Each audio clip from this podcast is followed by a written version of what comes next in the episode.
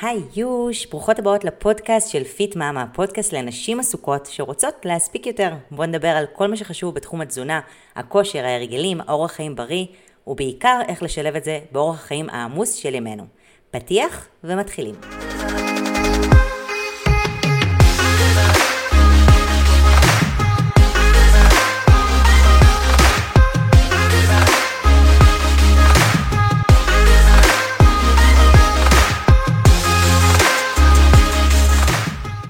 היוש, מה עניינים? טוב, היום אה, בפודקאסט אנחנו הולכות לדבר על אחד הנושאים, אני חושבת שאני מקבלת עליו אה, אחד אה, הכי הרבה שאלות לאחרונה, וזה הנושא הזה של גיל המעבר. ולמה? כי באמת בגיל המעבר אנחנו רואות וחוות כל מיני שינויים בגוף, במיוחד בכל מה שקשור לירידה במשקל, והרבה פעמים אני שומעת מנשים שאומרות, טוב, אין מה לעשות, בגיל המעבר קשה לרדת במשקל או אי אפשר לרדת במשקל, והאמת שזה... זה לא ממש מדויק, זה נכון שבגיל המעבר אה, יש הרבה תהליכים, ותכף נדבר על זה, שקורים בגוף, ובאמת אה, קצב חילוף החומרים שלנו אה, נפגע, אנחנו שורפות הרבה פחות קלוריות, יש לנו הורמונים שונים אה, שמשפיעים, אה, ובאמת אה, משנים לנו קצת את הרכב הגוף, אבל יחד עם זאת יש לא מעט דברים שאפשר לעשות בגיל המעבר. כדי עדיין לרדת במשקל, עדיין לכתב את הגוף, עדיין אה, לשמור על מסת השריר שלנו, אה, וברמת העיקרון לתת לגוף באמת את, ה, את הכי טוב שאנחנו יכולות כדי לגרום אה, לתפקוד טוב, אופטימלי, תקין, גם בגיל המעבר וגם כמובן הלאה בהמשך לגיל השלישי, ואף פעם, אגב, לא מאוחר מדי לשנות. אמ, אבל אני חושבת שאין דבר אחד שאנחנו צריכות לעשות, כמו שאין דיאטה אחת טובה שתעזור לי לרדת במשקל. גם בגיל המעבר יש הרבה דברים שאני יכולה לעשות, שמשפיעים לי אה, על, אה, על קצב חילוף חומרים ועל הירידה ועל הרכב הגוף ומסת השומן וספיגה של אה, ויטמינים שונים ואוסטופרוזיס, ובואו נדבר על זה קצת, קצת יותר לעומק. אז קודם כל גיל המעבר מוגדר כתקופת מעבר שבין תקופת הפוריות לתקופת הבלות. התקופה הזאת בערך אורכת שנתיים, עד עשר שנים, סביב העשור החמישי לחיי האישה, כמובן שזה יכול להתחיל מוקדם יותר או להתחיל מאוחר יותר, אה, זה מושפע הרבה מאוד מהגנטיקה, אבל זה מאוד מאוד גמיש ומשתנה ככה שזה הממוצע, כשבתקופה הזאת מפסיקות השחלות לייצר ולהפריש את הורמוני המין, אסטרוגן, פרוגסטרון ואנדרוגן. ומה בדרך כלל אנחנו מרגישות? אז בגיל המעבר יש לנו כל מיני uh, תסמינים כמו גלי חום, הזעה, האצה בדופק הלב, יכול להיות עצבנות, דכדוך, נדודי שינה, קושי בלישון, הפרעות בזיכרון, ירידה באופן כללי בתחושת החיוניות, ירידה בחשק uh, מיני, יכול להיות גם כל מיני תופעות מקומיות כמו יובש בנרתיק, uh, כאבים בקיום יחסי מין, דימומים נרתיקיים, דלקות שתן חוזרות. אה, ובטווח הארוך כמובן מה שאנחנו רוצות לשים עליו את הלב זה כל העניין של אוסטאופורוזיס, של דלדול אה, מסת אה, העצם ומחלות לב כמובן, וביניהם גם כל מיני מחלות מטבוליות שונות שהסיכון שלהם מוגבר יותר בגיל המעבר, השמנה, כולסטרול, לחץ דם. בעצם מה שקורה לנו מבחינת, מבחינה הורמונלית בגוף, אז בזמן הזה יש לנו עלייה בגלל ירידת ההורמונים השונים, בגלל ההפסקה של הורמוני המין, יש לנו עלייה באזור השומן הבטני ועיבוד של מסת השריר, בעצם שני תהליכים שקורים במקביל. ולכן אם המסת השריר יורדת, יש לי פחות שריר, אני שורפת פחות קלוריות בזמן מנוחה, ככה גם קצב חילוף החומרים שלי יורד, אם יש לי יותר שרירים, קצב חילוף חומרים גבוה, השריר צורך אנרגיה, נכון? השריר שלנו דורש קלוריות כדי להתקיים, ככה שאם יש לי פחות שריר, אני גם שורפת פחות קלוריות, ולכן, אם קצב חילוף החומרים שלי יורד, הרבה פעמים לא בהכרח שיניתי שום דבר בתזונה, אבל פתאום תהיה לי עלייה במשקל. אני אוכלת אותו דבר, אבל המשקל גבוה יותר. אז קודם כל, רק בגלל הסיבה הזאת, בגלל ירידה במסת השריר, אמ, אני רואה שהמשקל שלי עולה. אה, מעבר לזה, בגלל כל השינויים ההורמונליים, פתאום יש לי גם עלייה בתיאבון, אז זה בעצם, אה, זה חטא על חטא, כי גם קצב חילוף החומרים יורד וגם אני רעבה יותר, אה, אז אני עלולה לאכול כמות גדולה יותר של קלוריות, ובעקבות זה גם לאגור יותר שומן בסופו של דבר ברקמות. חוץ מזה, אם יש לי קשיי שינה, כמו שאמרנו קודם, אז אני ישנה פחות, יש לי יותר קורטיזול בגוף, מה שעוד יותר גורם לשומן הבטני אה, לעלות, והרבה פעמים גם אה, קושי עם שינה יחד אה, מגיע עם אה, עלייה בעמידות לאינסולין. גם זה משפיע על העלייה במשקל. אה, וניקח בחשבון גם את הורמון הסרטונין שיורד שמשפיע לי על המצב רוח, ובקיצור, אה, הרבה מאוד דברים שקורים ביחד, יותר אה, חשקים לאוכל, יותר חשקים ספציפית למתוק, פחות שעות שינה שגורם לי להעלות את חומות הקורטיזול וגם משפיע בסופו של דבר על אכילה מוגברת וצורך מוגבר במתוק, וכל זה, כמו שאמרנו, במקביל גם לירידה במסת העצם. מעבר לזה גם יש לי שינויים בהרכב הגוף, פתאום אה, שומן שנמצא לי אה, באזור אה, אולי יותר מותניים, יותר יריחיים, פתאום שומן גדול יותר באזור הבטן, השמנה בטנית, פתאום מעבר מהשמנת אגס, אנחנו מכירות את הצורה של האגס, להשמנת תפוח. מה שגם משפיע כמובן על עלייה בסיכון להתפתחויות של תסמונות מטבוליות, סכרת type 2, רמות גבוהות של שומנים בזר, בזרם הדם, יתר לחץ דם, מחלות לב. ולכן כמה דברים שאנחנו רוצות לשים עליהם את הדגש, במיוחד בגיל המעבר, אחד, זה על הדברים שמשפיעים על השומן הבטני, איך אני יכולה להוריד את השומן הבטני. שתיים, אה, איך אני יכולה להגדיל את קצב חילוף החומרים. שלוש, איך אני יכולה לשמור על אה, מסת העצם שלי. אה, וארבע, איך לדאוג באמת לספק את כל הוויטמינים והמינרלים החיוניים לגוף בשביל שכל הדברים האלה יקרו. אוקיי? אז אני לא צריכה לקבל את זה as is, אין מה לעשות, אני בגיל המעבר, אני אעלה במשקל, אלא באמת להבין מה הדברים שמשפיעים ומה אני יכולה לעשות כדי למנוע את העלייה במשקל הזאת ובכלל לעבור את גיל המעבר ואת כל התופעות שבו באמת בצורה הטובה ביותר. אז קודם כל זה, זה נכון לתמיד ולא רק לגיל המעבר, אבל בגיל המעבר החשיבות עוד יותר עולה, וזה ההימנעות מכל מיני דיאטות קיצוניות. כל מיני צומות אה, למיניהם, אה, הגבלות שונות באוכל, ירידה דרסטית במשקל. אם לפני זה סבלנו מהיו-יו הזה של כל פעם שירדנו, אה, הנטייה של הגוף להחזיר אותו חזרה, דיברנו בעבר באחד הפודקאסטים על, על ההשפעה של המוח ואיך להפוך את המוח מאויב לחבר.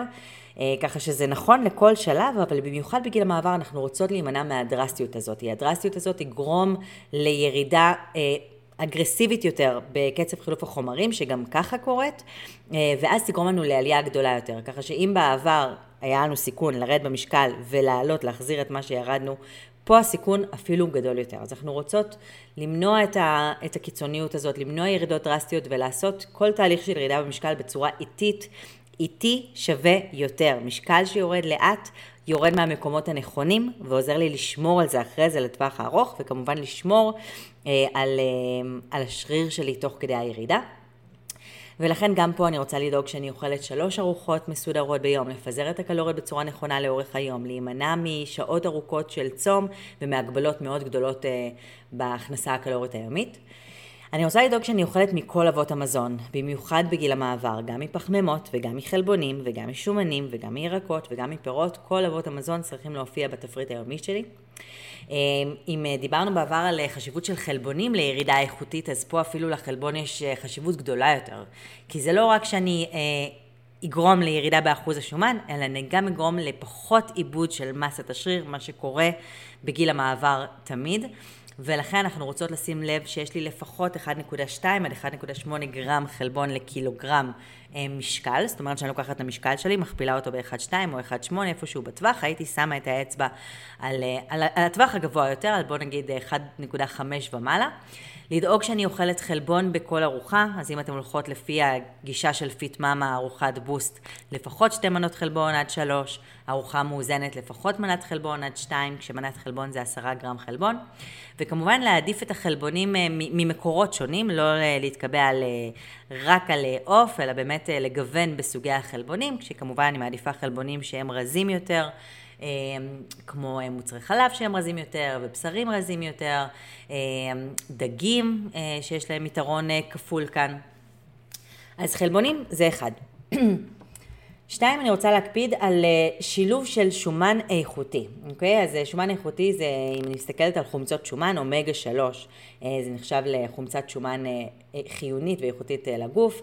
אה, זה נמצא בכל מיני אה, דגים, בביצים שמאושרות באומגה 3, זירי צ'יה, יש בהם אומגה 3, ובמקביל אני רוצה להפחית את אומגה 6, בסוף אנחנו יודעים היום שמה שמשפיע על השומנים בגוף זה היחסים בין אומגה 3 לאומגה 6, ולכן יותר אומגה 3, פחות אומגה 6.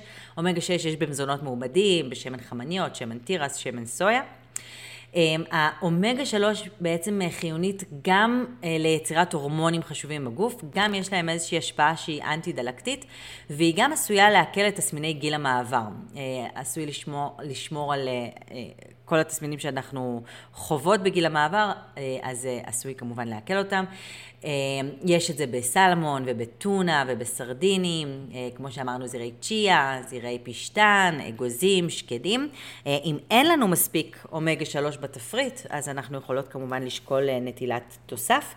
אבל כל מה שקשור לגבי תוספים, תמיד המזון הטבעי והרגיל שנאכל דרך הפה, יש לו את היתרונות הגדולים ביותר, וכמובן, אם התזונה שלנו לקויה בחסר, אז כן מומלץ להוסיף את התוספים. הדבר השני שאנחנו רוצות, או השלישי שאנחנו רוצות לשים עליו דגש בגיל המעבר, זה סידן. מאחר ואנחנו יודעות שיש תהליך של בריחת סידן מעצמות, אוסטאופורוזיס, אנחנו רוצות למנוע מצב של דלדול עצם שקורה בעקבות הירידה בהפרשת האוסטרוגן. אנחנו רוצות להקפיד שאנחנו צורכות מספיק סידן, כשבגיל המעבר אנחנו מדברות על צריכה של לפחות 1200 מיליגרם סידן ביום, ושוב, העדיפות כמובן שזה יגיע מהמזון.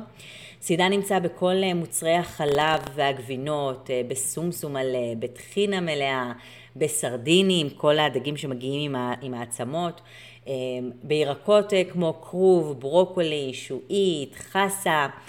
קינוע, אגוזים, קטניות, שקדים, האיכות הגבוהה ביותר של סידן תגיע ממקורות החלב כמובן, אבל גם בסויה יש סידן וגם בכל מה שדיברנו פה, ככה שאנחנו באמת רוצות, רוצות לוודא שאנחנו משלבות את זה ביום. אגב, יש דרך מאוד קלה לבדוק, אם אנחנו עושות יום אחד יומן אכילה, מכניסות את זה, יש המון המון אפליקציות שמחשבות לי ערכים או אתרים, אני מכניסה את מה שאכלתי, ואז בקלות יחשב לי כמה סידן אכלתי ביום, ואני אוכל לדעת בממוצע אם באמת הגעתי ל-1200 מיליגרם סידן ביום.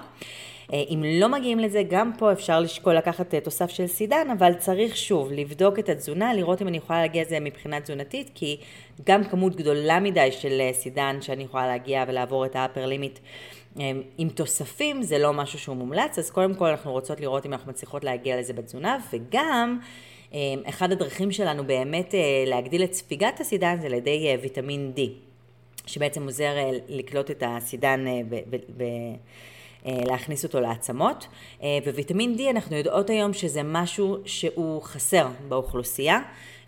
ויטמין D זה בעקרון אנחנו מקבלות אותו ככה מהשמש, אבל מאחר ואורח החיים שלנו הוא כזה היום שאנחנו לא תמיד נמצאות בשמש מספיק בשביל לקבל את הוויטמין D, אז שווה לנו לשים על זה את הדגש. בכלל בקורונה יצאה הנחיה גורפת לכולם לקחת תוסף של ויטמין D, מאחר ובאמת החוסר באוכלוסייה הוא, הוא גדול, וכמעט לרוב האנשים סובלים מחוסר ויטמין D. אז רגע לפני שאני מוסיפה את הסידן, שווה לי לבדוק האם יש לי חוסר של ויטמין D ואולי לקחת תוסף שלו, כדי באמת לעזור לספוג ולקלוט יותר את הסידן לעצמות. מה לגבי פחמימות? אז הרבה פעמים אנחנו ככה, במיוחד בגיל המעבר, במיוחד לאנשים שיוצא לי לפגוש, נמנעות מאכילת פחמימות, אבל כמו שאמרנו, לכל אב מזון יש את החשיבות שלו, ובמיוחד שאנחנו יודעות שפחמימות עוזרות לשחרר סרטונין, מה שגם ככה יורד בגיל המעבר ומשפיע על, על המצב רוח ועל העצבנות ועל דיכאון. ועל כל מיני תופעות ככה של, של מצב הרוח. ולכן פחמימות גם יכולות לשפר את מצב הרוח, אבל יחד עם זאת אנחנו רוצות לשים לב לסוג הפחמימות שאנחנו אוכלות, להפחית פחמימות פשוטות וסוכרים פשוטים, כמו מיצים וכמו ממתקים למיניהם, שוקולד חלב, שוקולד לבן. ולהעדיף פחמימות מורכבות, פחמימות שגם עשירות בסיבים, גם יגרמו לתחושת שובע גבוהה יותר, גם יגרמו לשחרור סוכר בצורה מתונה יותר לזרם הדם. גם הרבה פעמים מעשירים את ה... את, את הפחמימות המורכבות, לחם מלא ושיבולת שועל וקוסמין ואורז מלא או בסמטי וגריסים וכוסמת וקטניות כמו שאמרנו, כל אלה כמובן גם כן יכולים להשפיע ולתרום לתחושת השובע, להפחית לנו את, ה, את ה craving הזה למתוק וכמו שאמרנו גם לשחרר לנו סרטונין. מעבר לזה שבלחמים הרבה פעמים נוכל למצוא לחמים שמועשרים בסידן, או קרקרים שמועשרים בסידן, ולכן שוב, אנחנו יכולות להרוויח בעצם פעמיים. יש מזונות שנקראים פיטו, או מאכלים שעשירים בפיטו-אסטרוגנים, זה בעצם חומרים צמחיים שדומים במבנה שלהם להורמון האסטרוגן, ויש מחקרים שעוד, יש צורך במחקרים נוספים, אבל מחקרים בתחום מראים שיכול להיות שהם יכולים לשפר כל מיני תופעות אה, של גיל המעבר, כמו גלי חום והפרעות שינה, אז גם זה משהו ששווה לשלב בתפריט, ולראות האם באמת אני מרגישה שיפור והקלה. אה, איפה זה נמצא? בעיקר בפולי סויה, במוצרי סויה שונים, משקי סויה וטופו ומיסו וטמפה, גם בקטניות אפשר למצוא את זה, גם בזירי צ'יה, זירי פשטן וגם בחלק מהירקות. זה גם משהו ששווה לשלב אה, באופן יומיומי כחלק מה, מהתפריט שלנו. אה, מעבר לזה, פירות וירקות זה משהו שאנחנו יודעות באופן כללי שאנחנו רוצות אה, תמיד לשלב, כן? פירות וירקות מכלים ויטמינים ומינרלים שחיוניים לגוף, שהגוף לא יודע לייצר בעצמו. כשאנחנו מדברים על כל חמשת הצבעים, אדום, צהוב וכתום, סגול כחול, לבן וירוק, אז כמה שיותר צבעוני יותר טוב, ולפחות חמש מנות ירק ביום. זה יכול להיות אגב בכל סוג אה, בישול או הכנה, כן? זה לא חייב להיות סלט, זה יכול להיות בתנור, זה יכול להיות במרק, זה יכול להיות מוקפץ, זה יכול להיות מעודה, אבל לנסות לשלב כמה שיותר. זה גם יכול לעזור עם אה, הרעב המוגבר שאנחנו מרגישות בגיל המעבר, באמת אה, להגדיל את תחושת השובע, להגדיל את פעילות מערכת העיכול, בעצם את, את מלאכת הפירוק של הארוחות, ובכך לגרום לכל ארוחה להיות הרבה יותר משביע. אמ, אנחנו יודעים היום שפעילות גופנית, אם אנחנו מדברים על אורח חיים, אז פעילות גופנית, אמ, במיוחד בגיל המעבר, החשיבות שלה היא אה, לצמצם את אובדן אה, מסת העצם, כשבעצם עד עד גיל המעבר או עד uh, העשור החמישי אנחנו uh, עושות פעילות גופנית כדי uh, לבנות מסת עצם או לשמור על מסת עצם והמטרה מעל העשור החמישי זה בעצם לצמצם את אובדן מסת העצם, לעשות פעילות שהיא פעילות כוח. אז כשאנחנו מדברות על פעילות, החשיבות של פעילות כוח בגיל מעבר הרבה יותר גבוהה מפעילות אירובית, מאחר ופעילות כוח נותנת לי התנגדות כנגד השריר ובכך שומרת לי על מסת העצם ומונעת את העיבוד. כל זה בהנחה שאני אוכלת מספיק חלבונים, כן? אז אכילה מספקת של חלבונים יחד עם פעילות כוח באמת תעזור לאבד את מסת העצם, כשהיום אה, מחקרים מראים שבאמת אה, החשיבות לפעילות גופנית יומיומית, אה, אפילו חמש דקות ביום, יהיה לה יתרון גדול יותר מאשר חלוקה של שלוש פעמים בשבוע, זמן ארוך יותר. אז כל יום היתרון שלו הרבה יותר גדול, גם אם זה קצר, וכל פעילות שתפעילי התנגדות כנגד השרירים. כשהפעילות הבטוחה ביותר, במיוחד אה, אם אנחנו מדברות על גיל המעבר ואחרי זה לגיל השלישי, זה כל פעילות שהיא כנגד משקל גוף. זה בעצם המשקל הבטיחותי ביותר, כי אני מתנגדת למשקל שלי. אה, ולכן אה, העומס על המפרקים הוא, הבטיחותי ביותר וגם המומלץ ביותר. אז פעילות כוח, פעילות שתהיה לי התנגדות לגוף ברמה יומיומית, אפילו מספר דקות ביום, באמת יכול אה, לגרום לשיפור גדול בעיבוד מסת העצם. אה, אם אנחנו מדברות אה, עוד על הרגלים, אז שעות שינה, למרות שיש פה איזושהי סתירה, אם יש לי קשיים לישון, אבל באמת לנסות אה, כן להיכנס למיטה, אה, לעשות את כל הפעילויות סטריליזציה לשינה, להשרות את אווירת השינה, אם זה הפסקת קפאין חמש שעות, שש שעות לפני שאני הולכת לישון, אם זה הפסקת מסכים לפחות חצי שעה, שעה לפני השינה, אם זה שינה בשעה קבועה, אם זה לא לאכול ארוחות כבדות לפני שאני הולכת לישון, כל הדברים האלה שבאמת יעזרו לי להיכנס לשינה בצורה טובה יותר ולהוביל לשינה איכותית יותר, אז גם שעות שינה יעזרו לצמצם את השומן הבטני, יעזרו להוריד את רמות הקורטיזול, יעזרו לשחרור אה, הורמונים אה, אופטימלי בגוף, וכמובן יעזרו לשרוף יותר קלוריות. אה, אז שינה. גם מבחינת עישון יש לזה השפעה על דלדול מסת העצם מרובה יותר בגיל השלישי ובגיל המעבר, אז אם אפשר כמובן להימנע או להפחית עישון ושתיית אלכוהול, שגם לזה יש השפעה. אה, ואם אנחנו מדברות עוד על הרגלים, על התופעות, אז כל תופעות הגלי חום, אה, שכל הדברים שאמרנו פה כמובן יכולים אה, לשפר, אבל ספציפית גם עם הימנעות שהוא מזון שהוא חריף, או תבלינים חריפים, אפשר להפחית או להימנע, שגם זה יכול לגרום להחרפה בגלי החום, כמו סחוג, פלפל שחור, פלפל אדום חריף, הל, קארי, ג'ינג'ר. אה, קינמון, שום, כל אלה יכולים אה, להחריף ולהעלות לי את, אה, את תופעות הגלי חום, אז גם אם אפשר לצמצם אותם, במיוחד אם אנחנו מרגישות את התופעות האלה. גם אלכוהול מחריף את תופעות החום, גם עישון, גם שוקולד, גם השקעות ממותקים, ולכן גם מהם אפשר להפחית כדי לעזור להקל את התופעות. אגב, גם ארוחות מסודרות, כשאני אוכלת מסודר, זה גם עוזר להפחית את גלי החום. אז הנה עוד סיבה שכדאי לנו לאכול מסודר בהם. והדבר האחרון שאני רוצה להתייחס אליו, זה באמת העניין של פרוביוטיקה. דיברנו על זה קצת בעבר, אבל באמת פרוביוטיקה זה אחד התחומים שנחקר. אה, כי אנחנו יודעים שלחיידקי המעי, החיידקים שנמצאים לנו במערכת העיכול, יש השפעה מאוד גדולה גם על אה, המטאבוליזם שלנו, וגם על ירידה במשקל, וגם על נפיחות בטנית.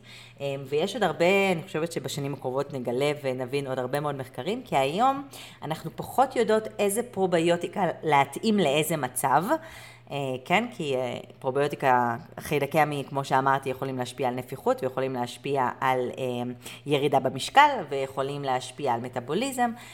ולכן עוד מאתגר לנו להתאים בדיוק את הסוג הנכון לבעיה שיש לנו, אבל באופן כללי אנחנו יודעים שפרוביוטיקה יכולה לעזור, כמובן כשהיא מלווה ביחד עם פרביוטיקה, עם בעצם המצע, האוכל המתאים לחיידקים, לחיידקי המעי, שזה כל הסיבים התזונתיים, הקטניות, הירקות, הפירות עם הקליפה, אמ, אבל נטילת פרוביוטיקה אה, בגיל המעבר גם כן יכולה לעזור אמ, לכל עניין אה, הירידה של של החומציות בנרתיק, אה, בגלל שיש כל מיני שינויים בדופן הנרתיק במערכת השתן, אז אם יש יובש או דלקות חוזרות בנרתיק, גם יוגורטים ומוצרי פרוביוטיקה או אוכמניות יכולות לעזור, וככה שאם אתם חוות את זה, אז שווה באמת לתת לזה בדיקה ולנסות. בכל מקרה פרוביוטיקה אנחנו רוצות לבחור את הסוג אה, יותר מהחברות המוכרות, אה, כאלה שבאמת אה, עשירות בהרבה מאוד סוגים של חיידקים שונים. מומלץ לקחת את זה למשך 30 יום ואז לראות אם זה באמת שיפר או שלא.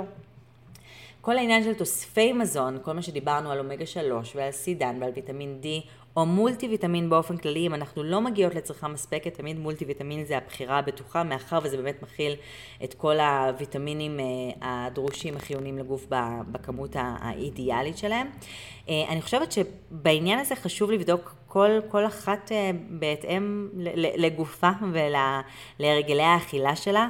אם אנחנו לא אוכלות מספיק, אם כמות הקלוריות קטנה, בזמן שלדוגמה אנחנו יורדות במשקל יחסית, אז אולי שווה לשקול לקחת את זה אם אנחנו לא מספיק בשמש, אם אין לנו מספיק ויטמין D, אם אנחנו לא אוכלות צריכת סידן מספקת, אם אנחנו צבעוניות או צמחוניות.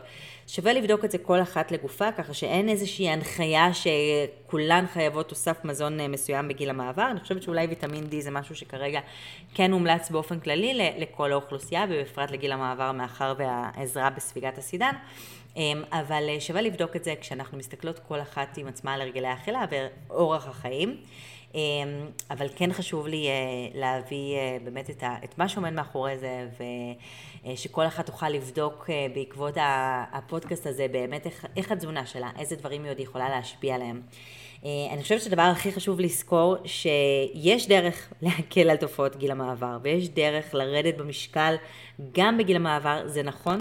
שככל שאנחנו מתבגרות זה הרבה יותר מאתגר גם כי יש לנו היסטוריה של דיאטות ויו-יו והגוף שלנו כבר אה, רוצה לשרוד ומעדיף לשמור כמה שיותר שומן ולכן הרבה יותר אה, חסכן ועושה לנו את החיים אה, די מאתגרים בכל מה שקשור לירידה במשקל, אז ככל שהגיל עולה ככה גם האתגר גדול יותר, אבל עדיין זה אפשרי. והחשיבות של ירידה במשקל בצורה איטית, נכונה, מאוזנת ומבוקרת בגיל המעבר היא, היא רווח כפול, כי היא גם תעזור לנו לרדת ולשנות את הסט פוינט בצורה נכונה ולעזור לשמור על המשקל החדש גם בגיל המעבר לאורך כל השנים הלאה. אמ, וזה גם יעזור לשמור באמת על, על מסת העצם ועל השרירים שלנו אמ, ועל הרכב הגוף. אז הרבה מעבר לירידת, לירידה במשקל, אני רוצה לוודא שאני יורדת מהמקומות הנכונים ואני יורדת מאחוז השומן, אמ, וזו בהחלט המטרה. אה, אז אה, אם יש לכם שאלות, אני כמובן אה, פה תמיד בכל הרשתות, ואנחנו נתראה בפודקאסט הבא שלנו. ביי יוש.